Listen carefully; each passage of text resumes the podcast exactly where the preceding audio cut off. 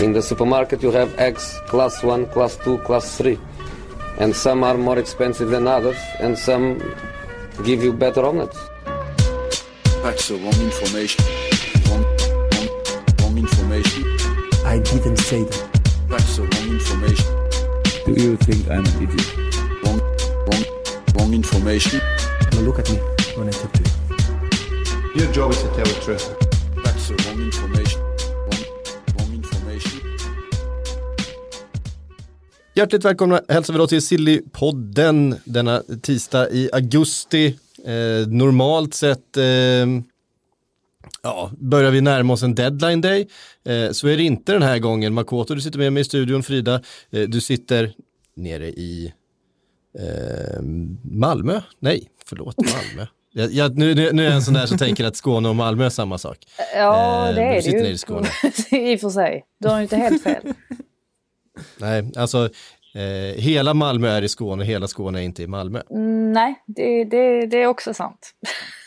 Ja. Visa ord och inleda den här podden med ändå. Ja, precis. Eh, men det är inte det vi ska, det är inte därför vi är här. Vi ska prata om, om Barcelona först och främst. För eh, jäklar att, eh, alltså Bayern besegrade ju inte bara laget, de besegrade ju hela, hela klubben, hela klubbkulturen, hela styrelsen åkte ju på stryk med 8-2.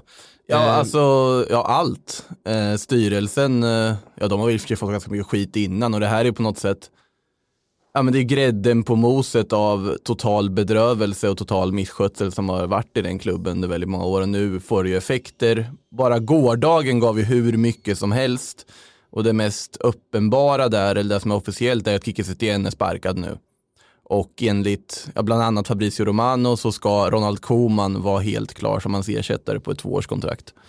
Så man kan ju börja där.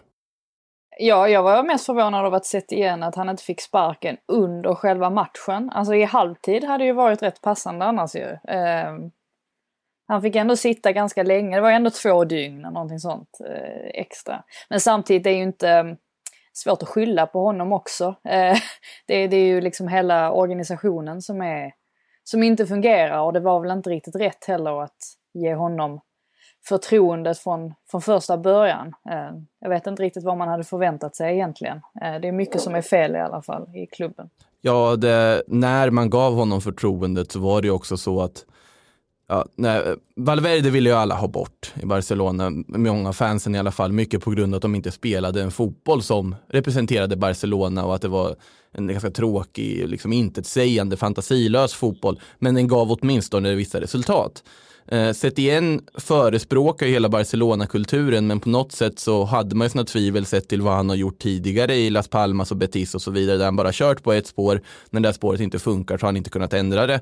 Nu har man ju sett samma sak under den här säsongen och sen är ju fortfarande då problemet, problemet ligger ju inte på vilken tränare som sitter på den där stolen. Problemet ligger i att det sitter en Josep Maria Bartomeu i presidentboxen fortfarande. Och en av grejerna som hände också igår här nu var ju att de har skjutit fram valet, för många vill ju ha ett val nu i princip. De ville att han skulle avgå på plats, presidenten. Men de har skjutit fram det till mars 2021 istället för hösten 2021.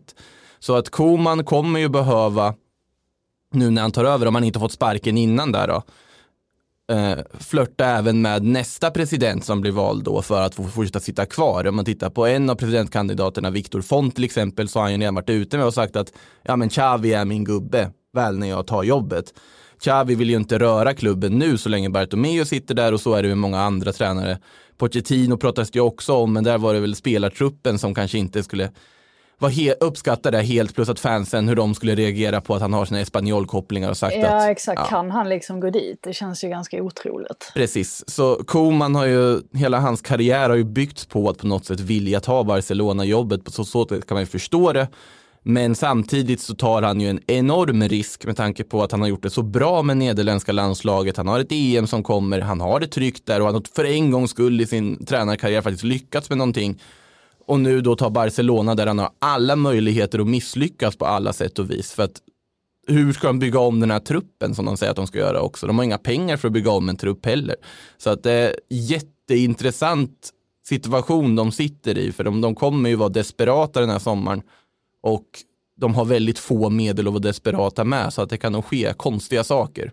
Alltså, Under, under matchen mot Bayern så eh, det, var, så- fanns så mycket symbolik också i, alltså dels att de liksom hade både Dembele och Griezmann på bänken eh, inledningsvis, liksom två av de dyrare spelarna. Och sen dessutom då att Coutinho gör de två sista målen. Eh, och med tanke på vilken prislapp han hade på sig också. Det, var, det fanns så många dimensioner av den matchen som verkligen visade eh, alltså hur, ja, alltså hur saker och ting inte står rätt till Men i det, Barcelona. det är ju Eh, alltså, det är, det är Barcelonas tre dyraste värvningar i historien. Ja. Mm. Ehm, som alla tre börjar på bänken och då den allra dyraste på bänken för motståndarlaget. För att han är så, han är så petad så att han är utlånad.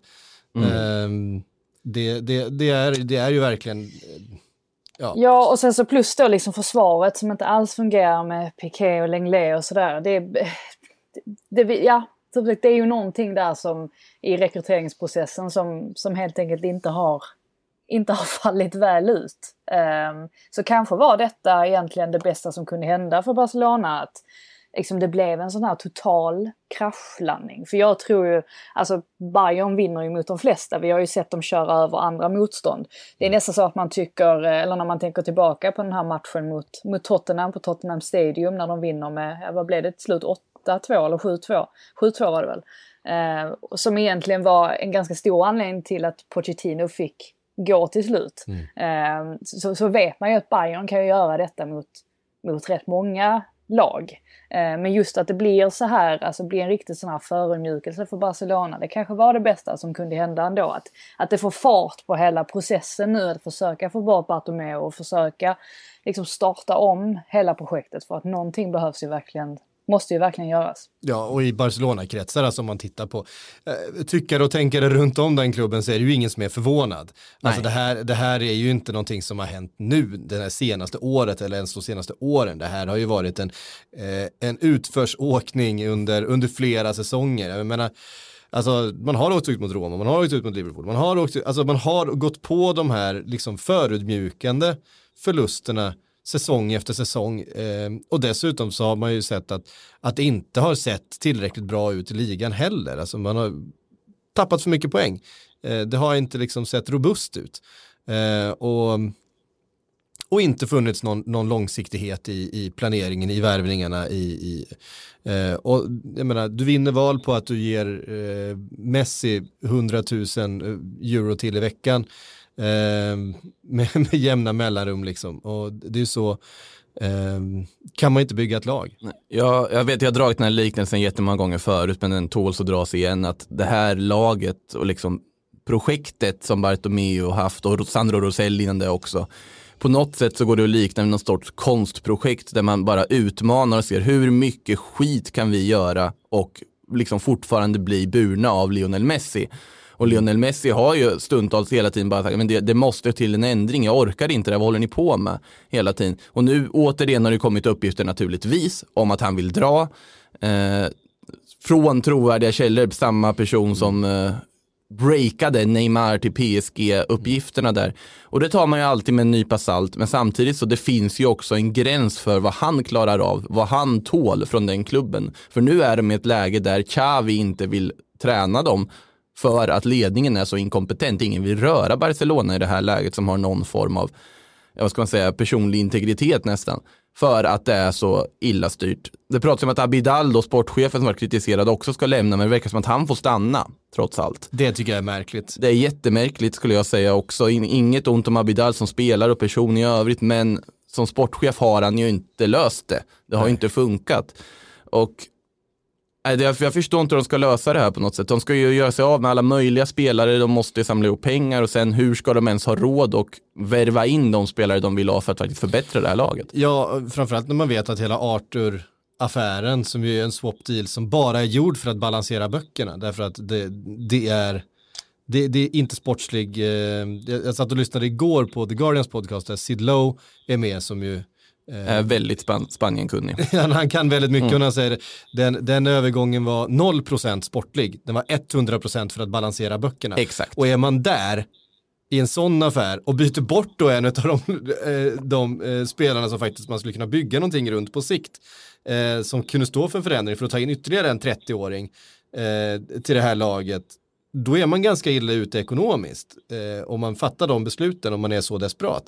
Eh, vilket ju uppenbarligen är fallet för Barcelona. Så att eh, det ser inte så bra ut. Eh, Artur eh, uppges ju också ha åkt fast för att ha druckit och kört igår också.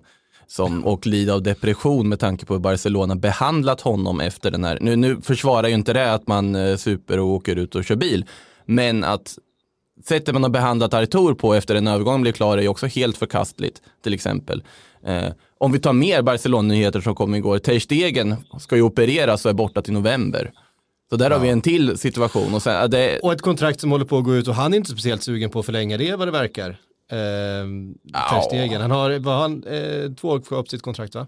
Något sånt. Men det, där har det varit nära på att de ska förlänga också och så vidare. Så att där, där vet jag inte om det är samma kris. Messi är väl det akuta läget på något sätt att se. Men sen så är ju frågan, man kan ju tolka det som att skulle Barcelona må bra av att Messi försvinner? Nja, jag tror inte det i det här läget, inte i den situationen de är i. Eh, för att det är fortfarande, han levererar fortfarande, fortfarande en av världens absolut bästa spelare. Så att, eh, men det, det kommer ju röra sig i den klubben under den här sommaren på alla möjliga sätt. Och sen, jag har ju mina otroliga tvivel för Ronald Koeman som tränare för att man är väl lite skadad också av Valencia-tiden han hade så här, ja, det, det gick ju så dåligt som det gick att gå. Det, det, var, det gick inte att göra det sämre än man gjorde där. Så vad vad negativ jag känner mig. Jag bara går in och bara sågar saker.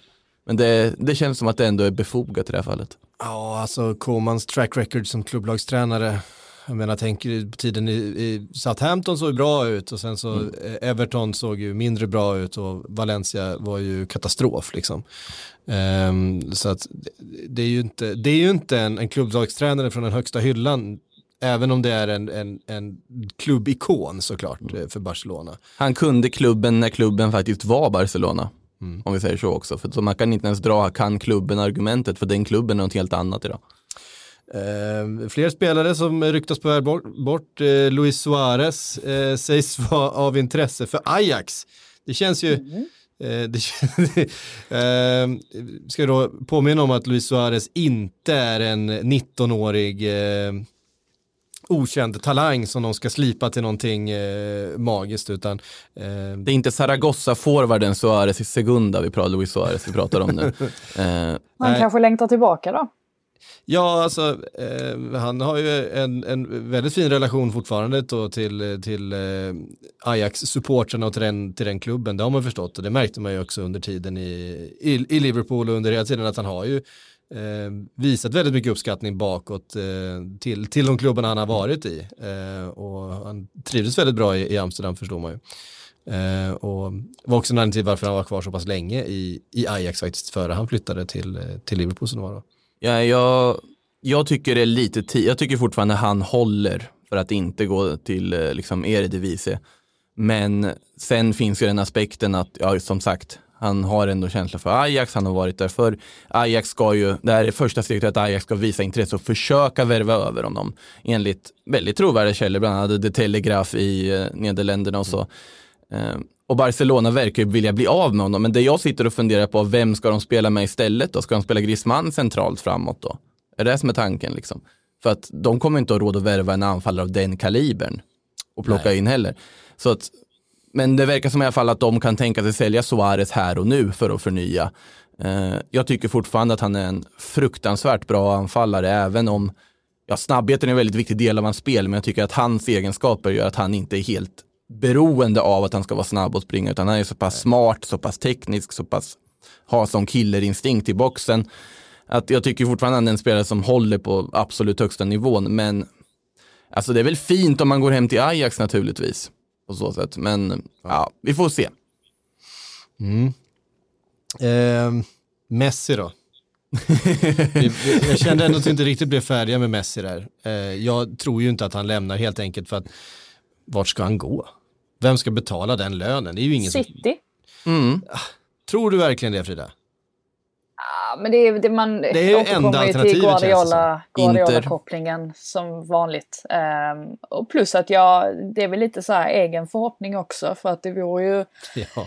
jäkligt coolt att se Leo Messi i Premier League. Eh, så hade han väl förmodligen gjort en sån där liten Zlatan-resa där man kanske inte för att Messi är jätteifrågasatt i England, men det är ju ofta så att har man inte spelat i Premier League så anser ju vissa att man inte har bevisat sig som spelare. Eh, och jag har ju inga tvivel på att om han hade gått till Premier League så det är klart att han hade levererat. Eh, och kanske då liksom eh, vunnit över ännu fler engelsmän på sin sida. Så jag hoppas ju på den övergången. Men jag antar väl att det ligger närmare till hands med Inter i Serie A i så fall. Ja, jag håller de- med dig då, där då får han gå ner rätt mycket i lön, Ja. skulle jag tro. Jag tror inte Barcelona kommer gå med på en deal där de lånar ut han och betalar en del av Messis lön för att skicka han till Inter. Eh, men Men jag tror att har man chansen att värva Leo Messi eh, Då tror jag liksom att man, då, då måste man hosta upp pengarna för att han kommer inbringa så mycket intäkter på alla andra plan också. Eh, jag tror inte att det är pengar man, det är inte pengar rakt ut i sjön utan han, han, han är så han är större än, än, än sporten. Det är ju lite som med Ronaldo till Juventus där. Att han, han är ju en, en så pass stor stjärna att det vore värt att sätta liksom hela ekonomin på spel. Fast där ser vi ju nu att det börjar ju, börjar ju kännas för Juventus att ha den lönen på, på kontot. Ja men det var kul de första, Det var de kul. första åren. Det är Sen- ju lite sen- som, att, som att kissa på sig, den här klass, klassiska metaforen. Det är varmt och skönt i början och sen så efter ett tag så blir det blött och kallt. Ja, Fast eh, i Messis fall tror jag att det är en spelare som jag ser liksom bara, om han har någon form av driv kvar, då kan han spela tills han är 40 och fortfarande leverera.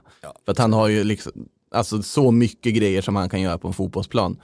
Det, det enda frågan jag ställer mig är ju vart hans smärttröskel går. Och det är ju också beroende på hur Barcelona agerar den här sommaren och vad de gör. Och om de lyckas på något sjukt vänster locka hem Neymar eller något som det har börjat pratas igen om, ja, då, då kanske såklart Messi skulle stanna och spela med honom igen. Men, och han har ändå klarat av så här många år av Bartomeu-regim utan att dra. Så att fram tills han står där med tröjan och ser jätteglad ut, eller inte så glad ut kanske, på en presentationsbild så kommer ju inte jag tro att han lämnar. Men man måste ju ändå börja fråga sig vart, vart gränsen går för honom. Ja, ehm, ja eh, någonstans så finns det ju. Eh, helt klart. Alltså, det som är ändå grejen här, är att det här är ju inte en spelare som drömmer om ett annat äventyr. Nej. Det, det är inte en spelare som säger, oh, det vore, här vore coolt att testa, eller det här skulle jag vilja göra i min karriär, utan han lämnar ju sådana fall. Alltså, han, hans högsta önskan är ju att fortsätta spela karriären ut i ett fungerande eh, harmoniskt Barcelona såklart. Ja. Eh, och lämnar han så är det ju verkligen på fel, av fel anledningar. Eh, i, I någon slags protest, i någon slags, med, med en, någon slags bitterhet. Eh, och det tycker jag talar emot den här, eh, för att det, det, det brukar vara en dålig drivkraft. Eh, hade, hade han närt någon slags dröm men ändå eh, inte haft något problem med att stanna kvar men att det fanns en dröm någonstans, ja men jag skulle ändå vilja, ja men nu tar vi chansen, nu, nu gör vi det här, alltså som vi har sett hos många spelare. Eh, då, då tror jag att det hade hänt, nu tror jag ändå att han kommer eh, kunna övertalas till att eh, bli kvar. Och han har ju bevisligen väldigt låga krav för vad en fungerande klubb är med tanke på att han ändå stannat så många år som han har gjort. Ja. Så att, eh, men som sagt, de utmanar den där gränsen konstant och de är ju väldigt nära att Ja, alltså gå över den skulle jag säga. Det verkar åtminstone så, för nu börjar det bli mycket mer intensiva. Messi vill dra rykten. Messi vill lämna nu, inte bara när kontraktet går ut. Han vill lämna nu, säger de. ju. Nästa problem är också att den där klausulen som man har där han har rätt att lämna gratis eh, var, efter varje säsong.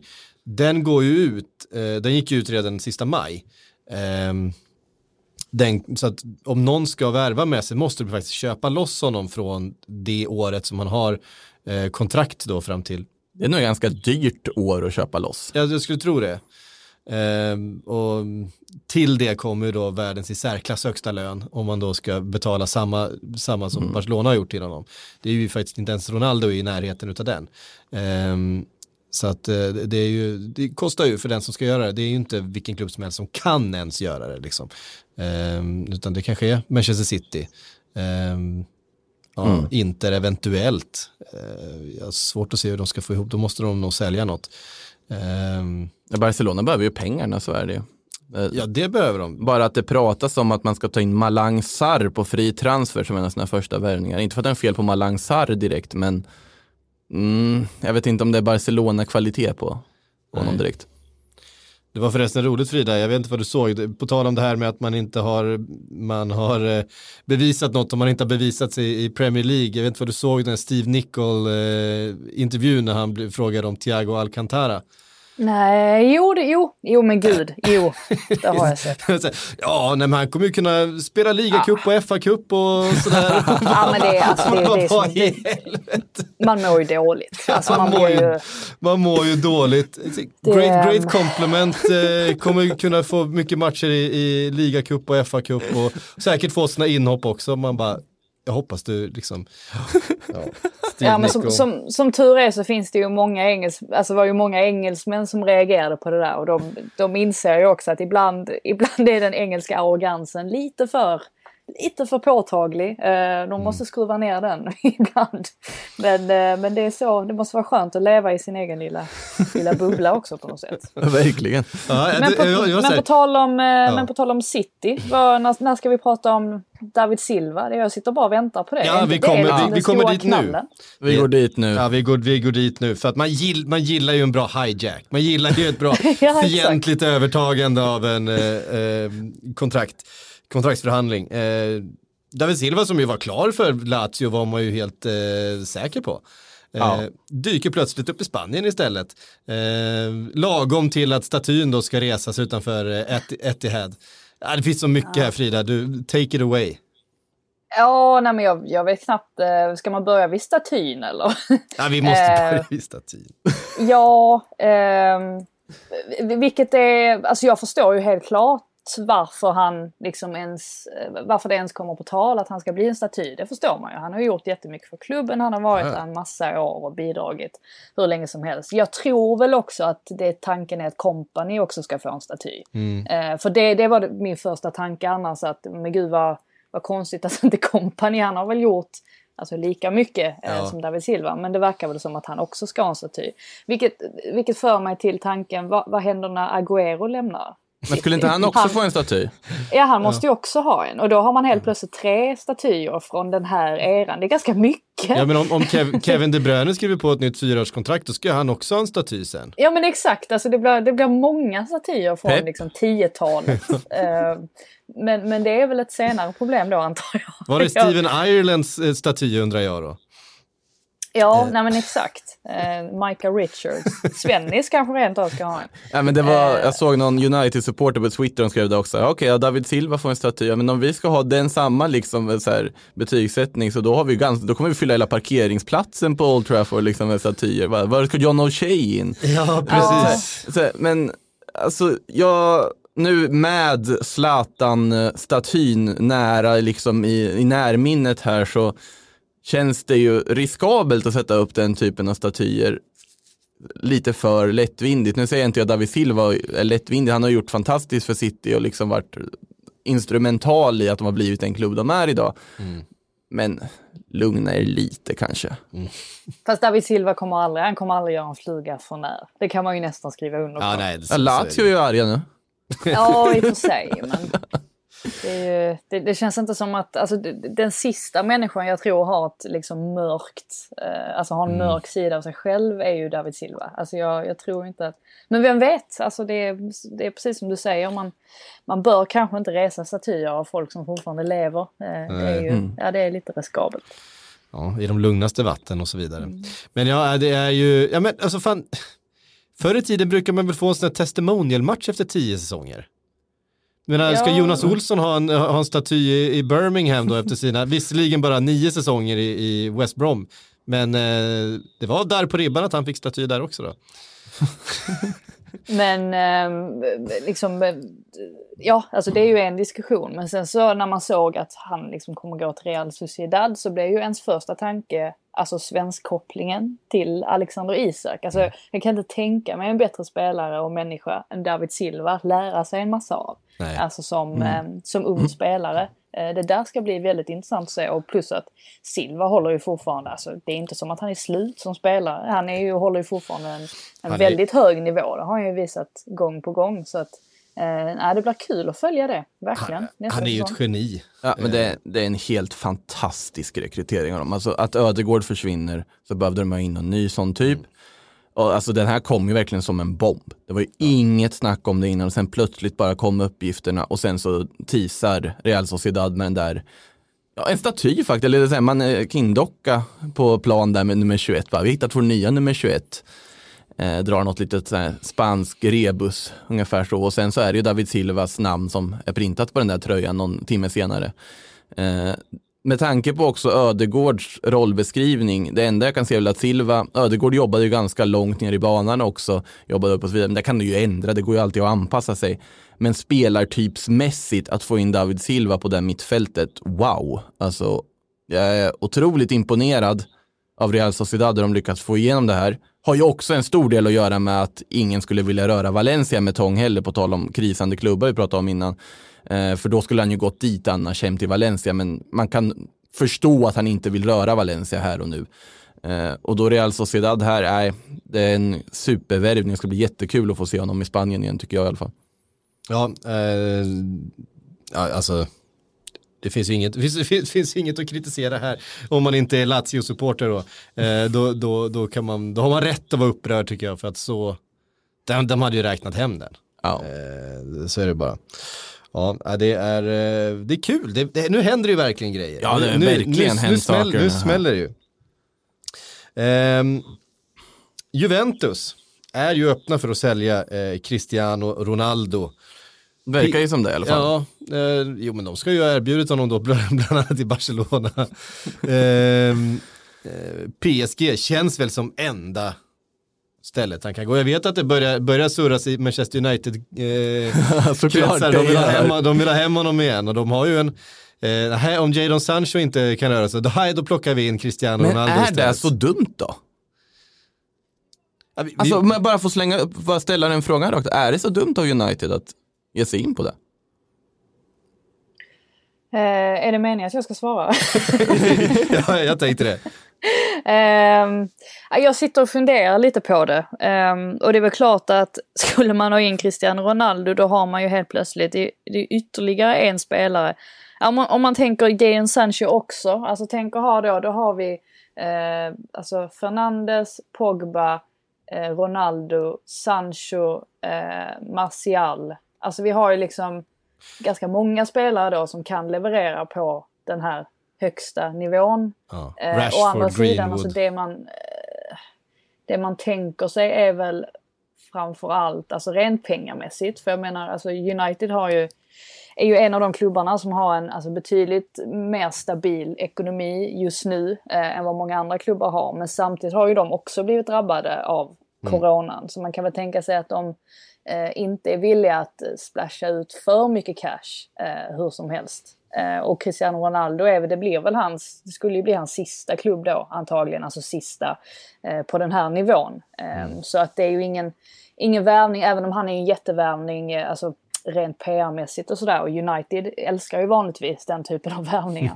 Eh, så, så är det ju samtidigt en spelare där man vet att man kommer inte få tillbaka så mycket av pengarna man lägger ut ändå.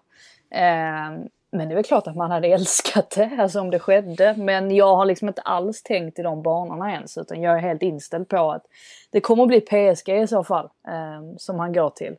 Och det tycker jag också, alltså om, om vi tänker oss att Neymar stannar i, i PSG, så vore det ju extremt intressant att se de två ihop. Alltså det är någonting, eh, det är någonting jag hade velat se i alla fall. Neymar, Ronaldo, Mbappé. Ja, Det, jag tror att det, man, man hade nog liksom haft, man har inte fått spela med PSG på Fifa tror jag nästa ifall det skulle bli en sån, sån övergång. Nej men, eh, nej alltså jag bara funderar plötsligt, när, som jag inte tänkt på United-kopplingen heller där, men det var när Psyk nämnde det som jag bara funderade liksom, för Sancho känns ju mer och mer out. Och nu börjar det tittas på att de ska titta på Douglas Costa som eh, värvning och så vidare istället. Alltså få in Ronaldo där. Bara hur det skulle också höja Bruno Fernandes som går till United för att han såg upp till Cristiano Ronaldo när han var liksom yngre. Att få in den rutinen tillsammans med de här unga anfallarna, Rashford vet jag inte om man ska kalla ung och orutinerad, men liksom Rashford, Greenwood och Martial där framme. Alltså jag tror att det kunde bli hur bra som helst.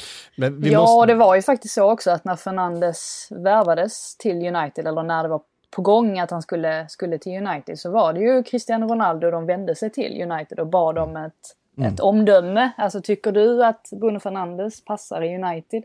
Ehm, så så att det, det visar ju också att Ronaldo är ju fortfarande, vi vet om att hans status såklart alltså är, är väldigt hög i klubben överlag, men att de även förlitar sig väldigt mycket på honom, alltså sett till ehm, att han ger, uppenbarligen ger dem råd eh, kring andra portugiser och sådär. Så att... ehm, Staty ska han ha. Ja, nej, Han har ju en. Ja, han har precis. Han har den där som... Men den har de fixat till va? Den som såg lite galen ut.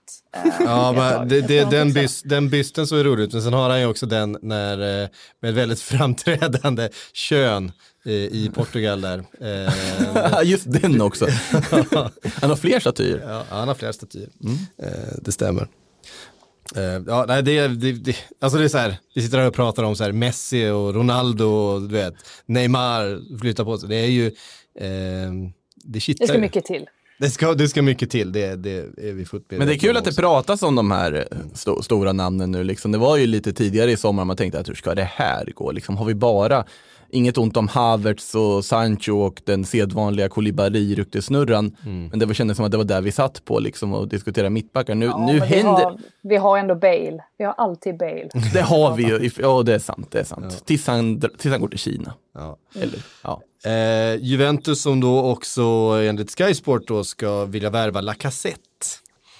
Och eh, ja, det är ju en, en kille som spelar på samma position som eh, eh, Ronaldo har just nu då i Juventus. Så, Ronaldo klar då? det är vi drar. Nej, men eh, Jag vet inte, kan man värva? Ja. Det är klart man kan ha Lacazette och Ronaldo i ett, i ett fotbollslag. Men ehm, då har haft Higuain och Ronaldo. ja, precis. Eh, så att eh, är det kanske Higuain som ska ut då. Ja, Ehm, Eh, men Lacazette känns väl som, alltså Arsenal är väl kanske det är inte helt korkat av dem att sälja Lacazette kanske eftersom att det är andra Nej, positioner. alltså det har ju varit på tal Mm, väldigt länge precis. att de ska göra det. Och det är ju framförallt skulle jag tro för att de eh, ska se till att ha pengar och ge Aubameyang liksom ett jättekontrakt. eh, Eftersom att det är det absolut viktigaste i nuläget. Eh, och så känner man väl kanske att Lacazette då inte har Eh, nu var han bra, särskilt mot slutet av säsongen och då fick vi se honom alltså, göra lite, lite mål och sådär. Eh, men han är ju en typ av anfallare som kanske inte alltid eh, är, är det man vill ha. Alltså han, han drar sig ut mycket från straffområdet. Eh, och sådär. Han är väldigt hårt jobbande, eh, vilket han har visat nu också. Eh, de senaste, eller de sista matcherna där. Eh, framför, eller det har han visat under hela säsongen. Men han gör ju inte tillräckligt många mål egentligen eh, för att spela i den positionen, kan man tycka ibland. Så att, eh, det är inte oväntat att de, att Arsenal ser att de kan casha in på Lacazette. Eh, för som sagt, de behöver ju pengar för att göra plats åt, åt andra spelare och nya kontrakt och sådär. Ja, ehm, det är, det är mycket på körschemat här idag. Det är, tack Makoto för att du fyllde på Var så lite så. under förmiddagen här. Eh, Douglas Costa identifieras också av Manchester United som ett alternativ då kanske till eh, Sancho. Till Sancho. Ja, så där, där får du ju rutin, du får en spelare som kan göra sin gubbe som kommer göra jättemycket nytta. Sen är frågan, vad tar han i lön? Vad skulle han kosta att få loss? Kanske inte så mycket i och för sig med tanke på att Juventus ändå verkar på något sätt vara intresserade av att bli av med honom. Men det är ju en quick fix, så är det ju. Och då är väl Ronaldo en roligare quick fix. Jag kommer inte släppa det här nu. Nej, nej.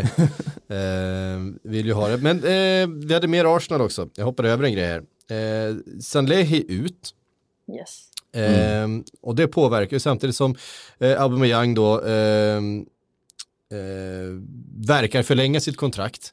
Eh, sen var det också snack om att de, eh, de eh, har sparkat sin kontrakt. Nej, eller det pratas väl om, för uh, grejen är ju nu att de, anledningen till att Sanley får dra är väl att de, som jag har förstått det ändå, eller det som de skriver i, England, att de vill ju liksom strömlinjeforma sin rekryteringsprocess, för det har varit väldigt många kockar inblandade i det där liksom. Och det blir ju oftast en sämre soppa då.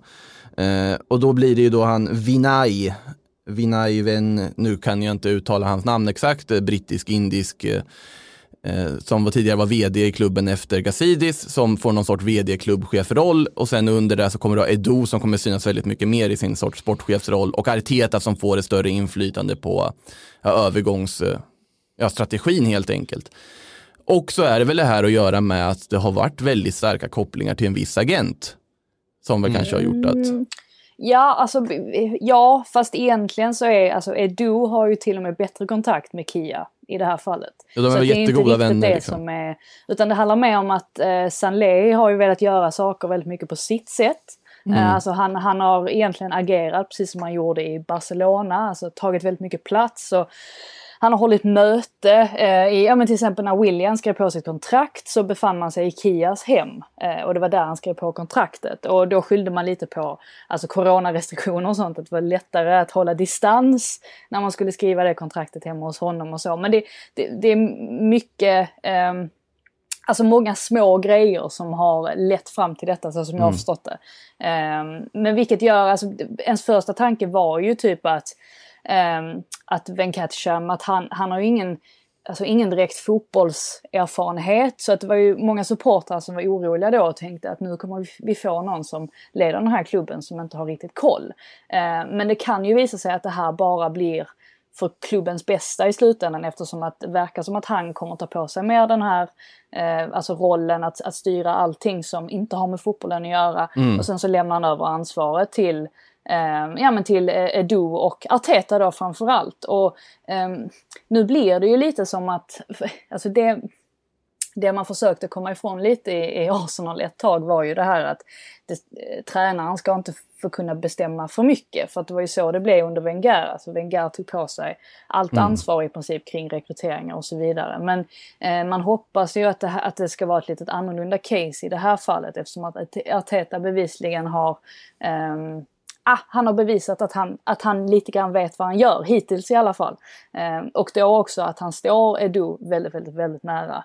Eh, och att de två då kan förhoppningsvis för Arsenals del bli en bättre duo. Så att i nuläget är det svårt att säga om det kommer bli eh, alltså bättre eller sämre eh, för Arsenals del. Jag tror att det kommer bli bättre, alltså av det man av det man har hört i alla fall. Eh, sen vet man aldrig, det, vi får väl se. Det, man kan tycka att tajmingen är ganska dålig eh, med tanke på att det är mycket som måste ske nu under augusti och att det var Sanley som hade närmst kontakt med Aubameyang och kring kontraktskrivningen och sådär. Men eh, det verkar ju inte som att det eh, kommer hindra att han skriver på ett nytt kontrakt. Så att eh, ja, de får hoppas på det bästa. Nej men precis, för det var ju efter Wenger när man skulle få, få in all, då var ju misslintat där också och sen Lehi och alltihopa. Det var ju väldigt många olika viljor samtidigt och Unai Emery för, för den delen också. Så det vart ju liksom, det har varit extremt rörigt på något sätt. I, Ja, och sen vet vi ju att eh, en del övergångar, eh, det pratas om bland annat den Dennis Suarez-lånet som man inte alls var överens om i, i klubben utan som liksom genomfördes av en del utav den här, utav Ja. den här Ehm, gruppen initierade eh, som den andra delen av gruppen var helt emot. Det blev ju inte speciellt bra heller. Ehm, han spelade ju inte speciellt många minuter, eh, Dennis Suarez, så eh, förhoppningsvis kan det bli lite mer stringens då i, i eh, verksamheten. Ja, och en person som, man, alltså, som nämns väldigt mycket som, eh, ja, men som liksom ligger bakom det här lite grann, att Sanley alltså, verkligen försvinner, är ju Tim Lewis som har ju haft en ganska anonym roll trots att han har varit alltså, involverad i klubben under väldigt många år. Alltså, det, det är ju han som har alltså, råd, rådgivit Kronkis och sånt. ehm, alltså kring, eh, vad säger man, legal advices. Han arbetar ju som, ehm, ja, men som advokat eller jurist. Eh, Så att han har liksom varit involverad ganska länge och sen så blev han eh, Eh, fick han ju en roll i, i styrelsen, alltså så sent som i, jag tror det var första juli eller någonting sånt. Um, och Sanley hade alltså inte försvunnit om det inte hade varit för det här, eh, att han ska ha varit ett tipping point så att säga. Ehm, på tal om det här då liksom att det, att det är ganska många parter som är involverade. Det som är positivt ehm, om man ser till, alltså utan att veta hur Tim Lewis är som person egentligen så är han ju, eh, alltså beskrivs han som en lifelong Arsenal-fan. Och jag tror att det hjälper nog ganska ofta att man är det. För då förhoppningsvis så är det ju en person som ser till klubbens bästa. Eh, Så det är lite grann det jag baserar på att det här förhoppningsvis är ett positivt beslut för Arsenals del. Att, att, att det är taget med ehm, ja, med, alltså med, med sunt förnuft och att man känner att ska klubben gå, fortsätta gå i rätt riktning så, så var det här en nödvändig förändring. Och kanske kan första, första spelaren in då bli eh, den 22-årige mittbacken Gabriel Ma- Magalhaes Ja. från Lille. Alltså man kan, alltså brasilianska namn är faktiskt, eh, eller portugisiska namn snarare, är ju faktiskt de allra svåraste. Alltså att uttala, Ja, uttala är det. korrekt. Vi uttalar dem ju konstant fel. Ja, ja gud ja. Det Så- så säger mycket ju Mourinho också. Mourinho påstår att han aldrig har hört sitt namn bli uttalat eh, korrekt. Eh, och jag, jag kan tänka mig det. Ja, nej, ja verkligen. Ehm, å andra sidan, när hörde, man- när, hörde man ett svenskt namn uttalas korrekt eh, internationellt? Nej, det Eller ett sant. japanskt namn för den delen. ja. Fast det, japanska känns ändå överkomliga. Visst borde de kännas överkomliga, tro mig. Det, folk jobbar hårt. Jag har ju försvenskat mitt uttal när jag presenterar mig här för att jag vet att folk kommer inte fixa det. Liksom. Men, men hur, hur ska det uttalas då? Ska det- Makoto. Makoto. Ja, det, det liksom bryter ju bara mot hela det svenska språket om du ska liksom prata någorlunda Ja, eftersom stringent. det funkar inte med, med, med Men- satsmelodin exakt, liksom. Exakt, så att det är därför liksom. Men äh, det, är- det är ju ett annat spår liksom, så det Ja. behöver vi inte. Ja, nej. ehm, eh, ver- verkligen, men det, det, det är svårt. Det är svårt. Man, med man, är man, man, svårt. man, måste, ju- man måste ju liksom acceptera en viss, eh, en viss flexibilitet. Ehm, hur många säger Frida i, eh, i London Ja, till det är exempel? ganska få faktiskt. Det är ganska få, Konstigt nog. Ja, det är ju tyskarna som möjligtvis kan uttala eh, namnet korrekt med sina hårda R. Men Ja, eh, ja, jag kämpar i motvind Ja, vanligtvis. jag kan tänka mig det. Ja, men eh, Ga- Gabriel kan vi kalla honom då. Gabbe, Eller Gab Gabriel Gabbe. Eh, vad vet vi om den här, eh, den här killen då? Från Lille eh, kommer han, i sådana fall det är inte färdigt än, men det ryktas. Eh, och, jag menar, Arsenal behöver en mittback, precis som alla andra. Vissa kanske behöver mer mittback än andra. Arsenal behöver verkligen en mittback. Kan en 22-årig brasse vara svaret? Frida, har du koll? Eh, eh, jag, jag kommer bara tillbaka till Mavropanos hela tiden. Alltså, det, är liksom när det kommer in en, en ung lovande mittback och jag ska försöka liksom, eh, förstå mig på hur bra den här personen är och sen så har man typ alltid fel. Eh, nej men det är ju såklart eh, svårt att. Han, han är ju, för det första är han vänsterfotad. Eh, det kan ju vara bra att veta, alltså på tal om liksom var han då ska, ska passa in i, i allt det här.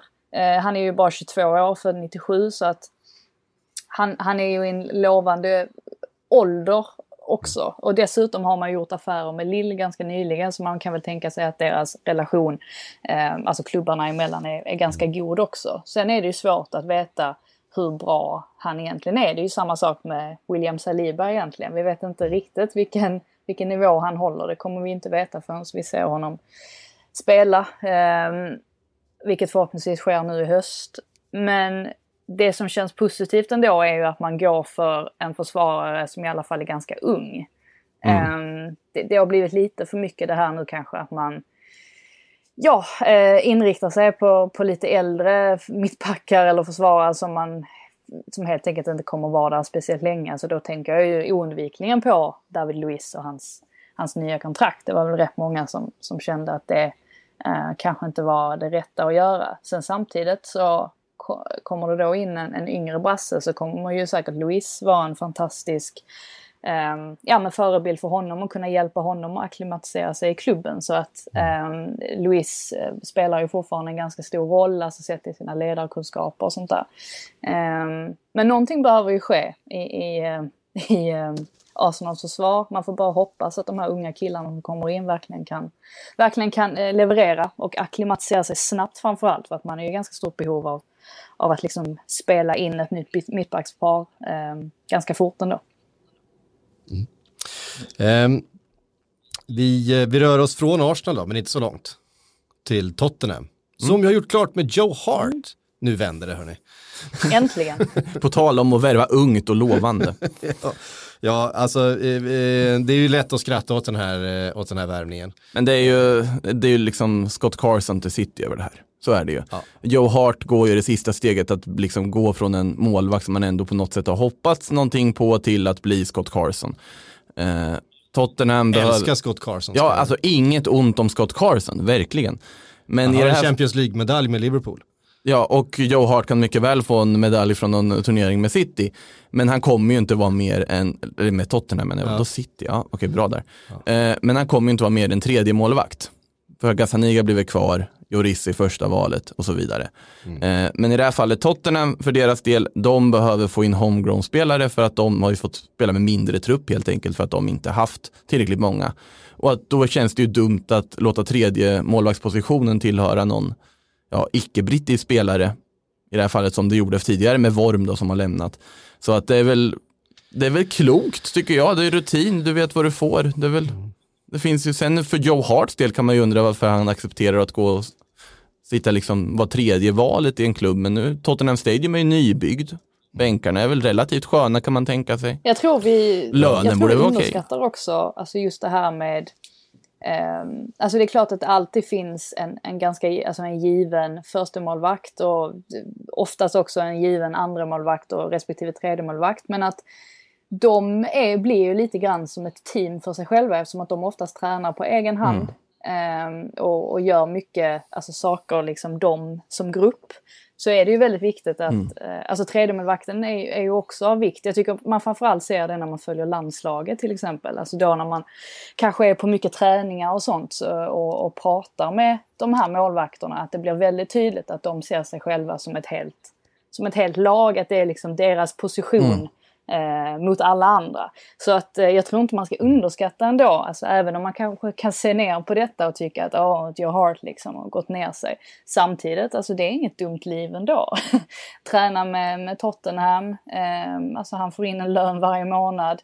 Eh, han får ju ändå liksom det är väl klart att de känner att de är en del av, alltså framgångarna, när, när det blir framgångar eftersom att de är på varje träning. Så att jag tror inte att det är så dumt det är inte så dumt för honom i alla fall. Jag tror att alla parter vinner på detta. Han får ju träna med Joris och Gazzaniga, liksom två bra målvakter också i en vettig miljö, så det kan ju vara mycket. Jag vet inte vem som är målvaktstränare i Tottenham, vad det är för någon heller, men det kan finnas sådana aspekter också. Skön snubbe. Ja. Jag ska säga, alltså, vi missade den uppenbara segwayen. Jag är ju så besviken över mig själv. Joe Hart, 12 säsonger i, i Manchester City. Eh, Var det därför jag började ve vela om City där nyss kanske då? I det Ja. undermedvetna? Nej, men det, Ja. det fanns ju en staty, en staty eh, Kompatibel karriär. kompa, kompatibel segway att göra där, att jag missade den. Jag är Det värsta är att det känns som att Joe Hart ofta får ta på sig den här rollen som engelsman. Det var ju likadant när Svennis var i City. Och, alltså anledningen till att han, alltså Svennis vill ju ha, Svennis ogillar ju Isaksson av någon anledning. Eh, han var ju mer, Svennis älskade ju däremot Kasper Schmeichel och ville ju att han skulle vara första målvakt men tvingas ändå ställa Joe Hart bara för att man skulle öka på antalet engelsmän i, i startelvan. Eh, ja, det är rätt intressant att han, han har levt lite grann ändå på att han är engelsman. Det får man ju ändå säga. Ja. På tal om engelska målvakter. Eh, Ramsdale från Bournemouth till Sheffield Mm. United. Verkar det kunna bli. Ja, det verkar eh, vara ett eh, bud som är accepterat. 18,5 miljoner pund. Jag tycker att det här är är en superbra det är värvning utav. Sheffield. Eh, absolut, han är Ja. ju, precis som du säger, alltså det är ju en av Englands mest lovande målvakter ihop med Henderson där ju. Eh, När Mm. man liksom tar fram Henderson som då, startelv, ja precis, Henderson då som liksom har varit i United. Alltså, vi- vilket det kan ju faktiskt indikera att beroende ja, Henderson att ska Henderson tillbaks till återvänder United. till United. Ehm, Eller, eller ska, Chelsea. Eller ska Chelsea. utomlands. Ja, alltså jag, jag har ju oerhört svårt att se att Manchester United skulle vilja låna ut sin målvakt till en, eh, ja, sin närmaste konkurrent som det ju faktiskt var den här säsongen, alltså till Chelsea. Mm. Eh, Det vore, vore oerhört förvånande. Ehm, Men det ska bli väldigt intressant att se vad som sker med de Gea och, och hela den där biten. Men just Aaron Ramsdale är ju, när man pratar om ehm, alltså potentiella framtida startelvor i England och sånt så är, står det mellan Ramsdale och Henderson eh, sett till vem man kommer att slänga in i målet då. Så att eh, nej, om detta blir av då eller om det blir officiellt som det verkar så, så är det en väldigt bra deal för Sheffield Uniteds del. Eller en bra lösning i alla fall om man nu inte kunde lösa eh, Henderson en säsong till. Hey, I'm Ryan Reynolds. Recently, I asked Mint Mobile's legal team if big wireless companies are allowed to raise prices due to inflation. They said yes. And then when I asked if raising prices technically violates those onerous two year contracts, they said, What the f are you talking about, you insane Hollywood ass? F- So to recap, we're cutting the price of Mint Unlimited from $30 a month to just $15 a month. Give it a try at mintmobile.com slash switch. $45 upfront for three months plus taxes and fees. Promo rate for new customers for limited time. Unlimited more than 40 gigabytes per month. Slows. Full terms at mintmobile.com. Men tycker ni priset är vettigt? Ja, men det tycker jag. Vad var det? Ja, tycker jag. 18,5? Eh, 18, ja. Men, och så är det väl några klausuler Tycker på det- det tycker det låter jag, lite. jag kan, Faktiskt. Aha, nej, jag, är, jag är snarare åt andra hållet att, alltså Ramsdale, han är jättelovande och så, men hur mycket erfarenheter liksom har han egentligen? Jag tyckte han var Och- bra den här säsongen och visar att eh, han, eh, han, han är en Premier League-målvakt liksom, redan nu. Ja, och, men det är fortfarande väldigt mycket pengar för en målvakt. Sen, sen kan man diskutera om en målvakt kanske är undervärderad vanligtvis i övrigt, men sett i marknaden och så vidare kan jag tycka ändå att det är ett visst överpris med tanke på att Sheffield också spenderade, vad blir det nu, 22 miljoner pund vad det var på Sander Berge förra vintern. De har inte hur mycket pengar som helst Ja, att röra sig med. 20, 22 år gammal också ju.